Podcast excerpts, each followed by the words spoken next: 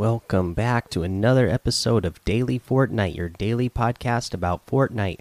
I'm your host, Mikey, aka Mike Daddy, aka Magnificent Mikey. All right, so a few things today. Uh, DreamHack uh, North American West started today. So uh, it's actually it should be getting near the end of the open round right now. I just got home from work, so I haven't watched any of it. Uh, you know, of course, this is uh, NA West where I am, so it's like the perfect time zone for me to be watching these. But I think today and tomorrow I'm just not going to be able to watch, so I won't get to watch the Open, the semifinals tomorrow. But Sunday, the grand finals, I'll definitely be watching the grand finals for Sunday. So I can't tell you what went on, but I'm sure there was a lot of good competition going on there as well. Same thing, we had the Andbox grand finals happen today as well. And you remember what the Andbox was? The Andbox was the regional contest. It was like all those, it was like the New York, New Jersey area so they did like the boroughs. If I don't remember if you, uh, I don't know if you remember me talking about that a while ago on the podcast that they were doing that uh, regional uh, competition. That happened today, and it should be no surprise since uh, these guys are, you know, in the area and competed in this competition. But Bizzle, Zexrow, and Jay the official uh, won the this contest.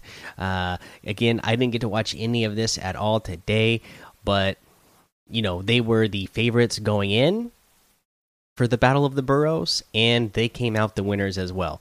I'm sure there was good competition as this, but when you got like some of, especially you know Bizzle, Zexrow, uh, and Jay though on the same team because they're all from the same area, that's gonna like they're the those are some of the best of the best pros. So, uh, you know, if they're going to just be going against uh, other players, you know, specifically in those neighborhoods, uh, the the chances that they're going to win is really high. So, uh, they were the favorites going in, and no surprise that they did, in fact, win. Uh, let's see here. What else do we got going on? So, uh, the structure of the Fortnite daily cash cups is changing. Uh, they just put out an, an announcement about that. I'm not gonna read it because the the blog the, the the post that they linked out to is literally just like the rules and regulations page. So it would take forever to read, and uh, you don't want to read me or you don't want to listen to me just read like uh, basically you know what would come across as a boring legal document with all the rules and regulations and whatnot. Uh, but uh, just when you go into the uh, compete page and go to the cash cups, you will notice that they have changed, and some of the scoring has changed. Well, uh, it's going to be a lot more important to place, as it should be. Placement is very important. It is a battle royale game. I know there's always a lot of players who I never see like the biggest the consist the pros who are consistent uh I've heard them talk about scoring in the past, but I I know there's a lot of players out there who um, are really good W keyers, and you if you watch them on stream, they're very good at W keying and getting a lot of kills that way. Uh, and they would love for kills to be worth more points, but you know that's not really what a a battle royale game is. It's about survival. It's about using uh, you know there is RNG, but you you need to use your game sense, your game intelligence uh, to get you to the end, no matter what you end up getting. Uh, it so it's not just you know these games aren't just about mechanics. There's plenty of uh, competitive games out there that are about just that's really like the main thing is how good you can be mechanically. That's not Fortnite. That is a big part of Fortnite and has become even bigger part of Fortnite over the last two years as uh, players have continued to innovate in the way that you can build and edit in Fortnite, but uh, at the, at the end of the day, a battle royale should be, you know, based uh, heavily towards the placement and who gets first place for the round. You know, if somebody ends up getting in the top 10 and then they got a, you know, 10 more or you know five six seven more eliminations than the guy in first place then i could see that equaling out eh, or maybe even being a little bit better than whoever got first place with just a couple eliminations maybe. But uh, at the end of the day the, the the name of the game is being the the survivor at the end of the match. So uh, i'm i think i think it's a good good uh, scoring system that they got going on so uh, if you didn't know, uh, just for that basic park, so eliminations are going to be one point now, and you can get one point for 75th through 31st place. So even just living a little bit will be good enough as one elimination as well. So it's really emphasizing the the survival part. You know, even if you got say you get five eliminations, but you get eliminated at your 76th place. That means you're still just going to get that five points. You didn't get any placement points. So somebody who gets 25th is going to get five points with no eliminations. And that means that person just using their game sense, using smart rotations, getting a smart landing spot, uh, they they're getting five points just for that. And I think that is the way it should be. Just because you could drop in, even if you dropped in and you got the first 15 kills and got knocked out at 85th place, that that tells me that you weren't really going in there to survive, which is the point of the game. So, uh, you know, I feel like it the it, it is heavily weighed towards uh, placement points, and it should be. And if you didn't know, Victory Royales are 14 points now. So, pretty big uh, amount of points for that Victory Royale. Uh, let's see here what else we've got going on. Oh, so they made this announcement today as well. Watch We the People more than a vote in Fortnite. So on Tuesday, July 28th, join us for a special in game showing of We the People more than a vote at Fortnite's Party Royale. What is We the People? Opus United presents We the People More Than a Vote, a series of conversations that bring together a coalition of athletes and entertainers to inspire and empower young adults to take action against the voter suppression crisis that is disproportionately impacting black communities. The second installment of We the People is hosted by Cari Champion and features athlete Jason Heyward, rapper and activist Bun B, athlete and sports host Jalen Rose, actress and comedian Yvonne Orji, and rapper Russ. It will be aired simultaneously in Fortnite and House Party on July 28th, starting at 7 p.m. Eastern. Following the Party Royale debut, We the People will re air multiple times, every other hour for 22 hours, throughout the day of Wednesday, July 29th. Free Verve Emote. All players attending the in game showing of We the People in Fortnite on July 28th and 29th will receive the free emote Verve as a special gift. This emote was modeled after the dance submitted by Michael Meja, the winner of the emote the hashtag emote royale contest. Michael and his brother Jamie choreographed this dance together, and it's all about energy. Log in to Fortnite from July 27th, 8 p.m. Eastern, to July 29th at 8 p.m. Eastern to receive the emote for free. A note please be respectful to other players during We the People. Emotes will be disabled during We the People. Uh, launch Fortnite. Oh, how can I watch the We the People in Fortnite launch Fortnite on Tuesday, July 28th before 7 p.m. Uh, Eastern? Select the Battle Royale game mode, enter the Party Royale playlist, and head to the island's big screen. Wait for the event to start at 7 p.m. Eastern. Continue the conversation with your friends. Uh, and again, they're going to be running that all the way through what they say here the the 29th. Uh, so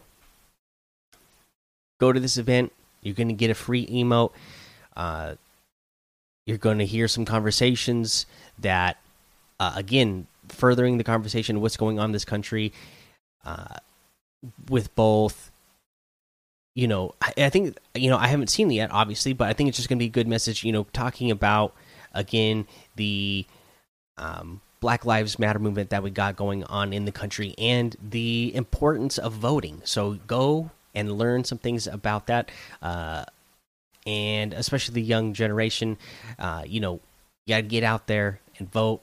I know there, it's always it's always talked about every election about how the young people can really change the vote if they got out there and vote, but it always seems like the numbers don't translate. Like we don't get enough young people out there voting who are old enough to to vote. Uh, so hopefully we can get more out there and uh, you know vote for for whatever you believe in. Uh, let's see here. Uh, I think that is all we got for news. Yep, that's all I got for news for you. So let's go ahead and talk about another uh, challenge tip. Uh, another tip that comes from one of our community members, DSS Memer Gaim, uh, or I don't really know how you're supposed to say that. But, anyways, here's a challenge. So you need to deal damage at Rickety Rig, right? And you need to do how much damage in total? 500 damage. Maybe you're having a tough, time with that. But here's what DSS says if you're having a hard time doing the Rickety Rig challenge, you can do damage to sharks. It counts as damage to people. So, boom, there you go. Go over to Rickety Rig, uh, deal damage to sharks, and it's going to count towards towards that challenge. So that is a really good tip there. All right, guys, let's go ahead and take a break. All right, let's go over today's item shop. We still have the Black Manta outfit with the Manta Pack back bling for 1,500 and the Manta Blades harvesting tool for 800.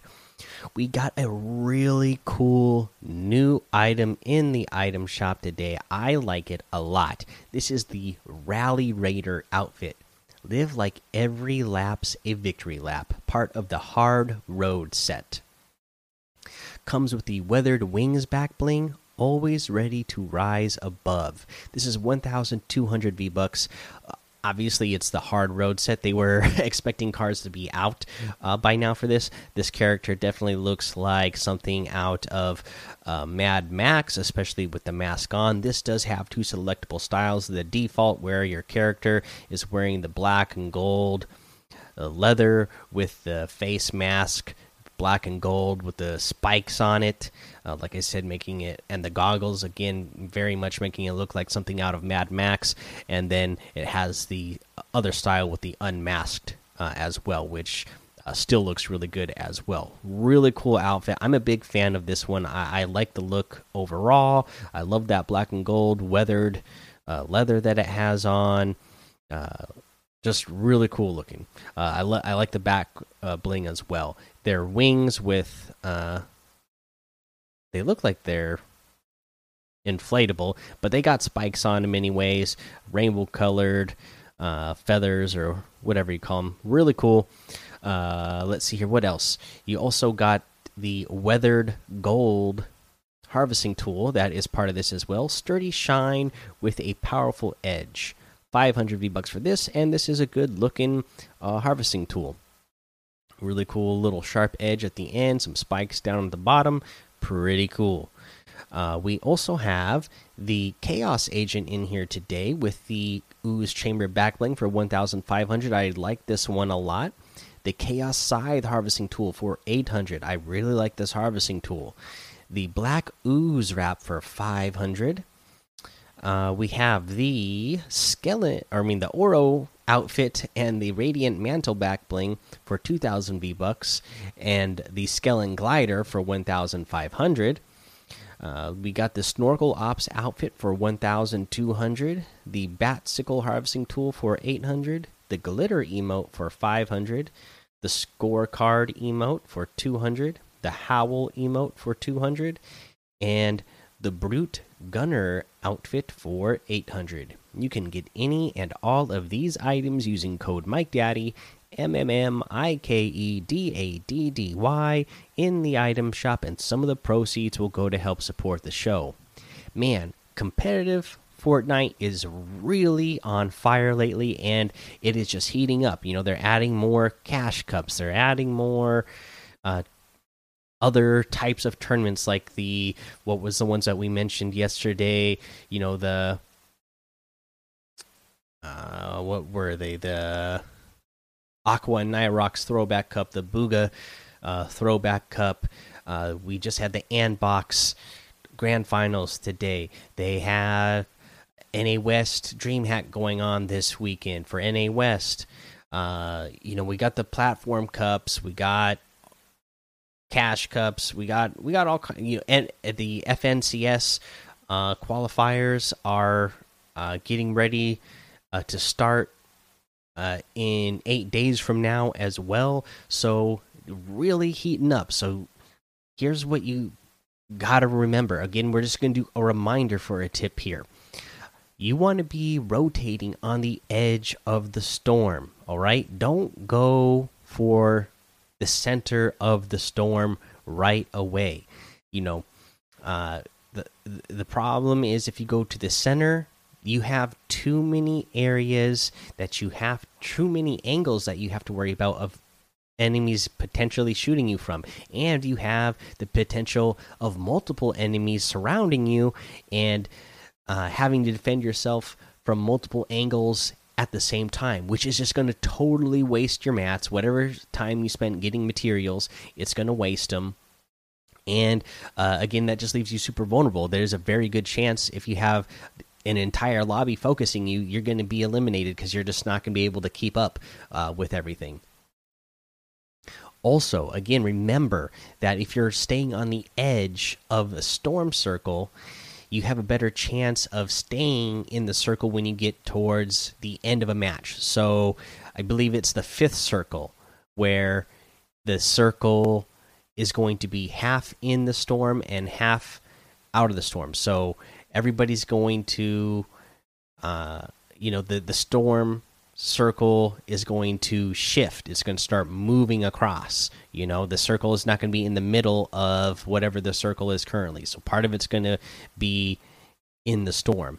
And if you're on the edge, that means, uh, you know, you have a chance that the next circle is going to end up where you are already. If you are in the middle of this circle, of the fourth circle, uh, you know, it's less likely that you're going to be in the circle already when the the fifth circle appears the one that's half in and half out.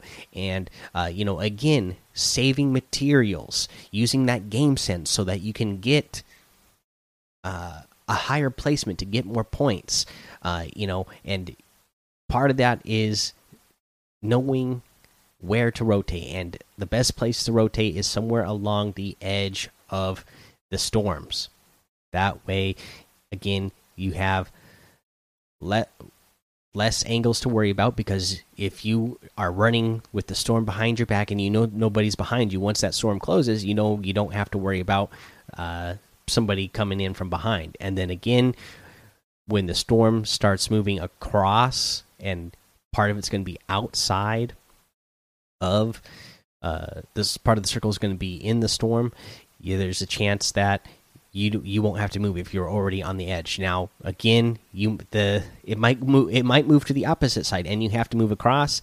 Uh, but uh, it's better to take the chance of you know not having to spend any materials and being safe already, uh, rather than being right in the middle already and having to defend yourself against so many different people who could potentially focus you, and then also having to use materials anyways to get to where the next circle is going to be. All right, guys, that's the episode for today. Go join the daily Fortnite Discord and hang out with us. Follow me over on Twitch, Twitter, and YouTube. It's Mike Daddy on all of those. Head over to Apple Podcasts, leave a five star rating and a written review for a shout out on the show. Make sure you subscribe so you don't miss an episode. And until next time, have fun, be safe, and don't get lost in the storm.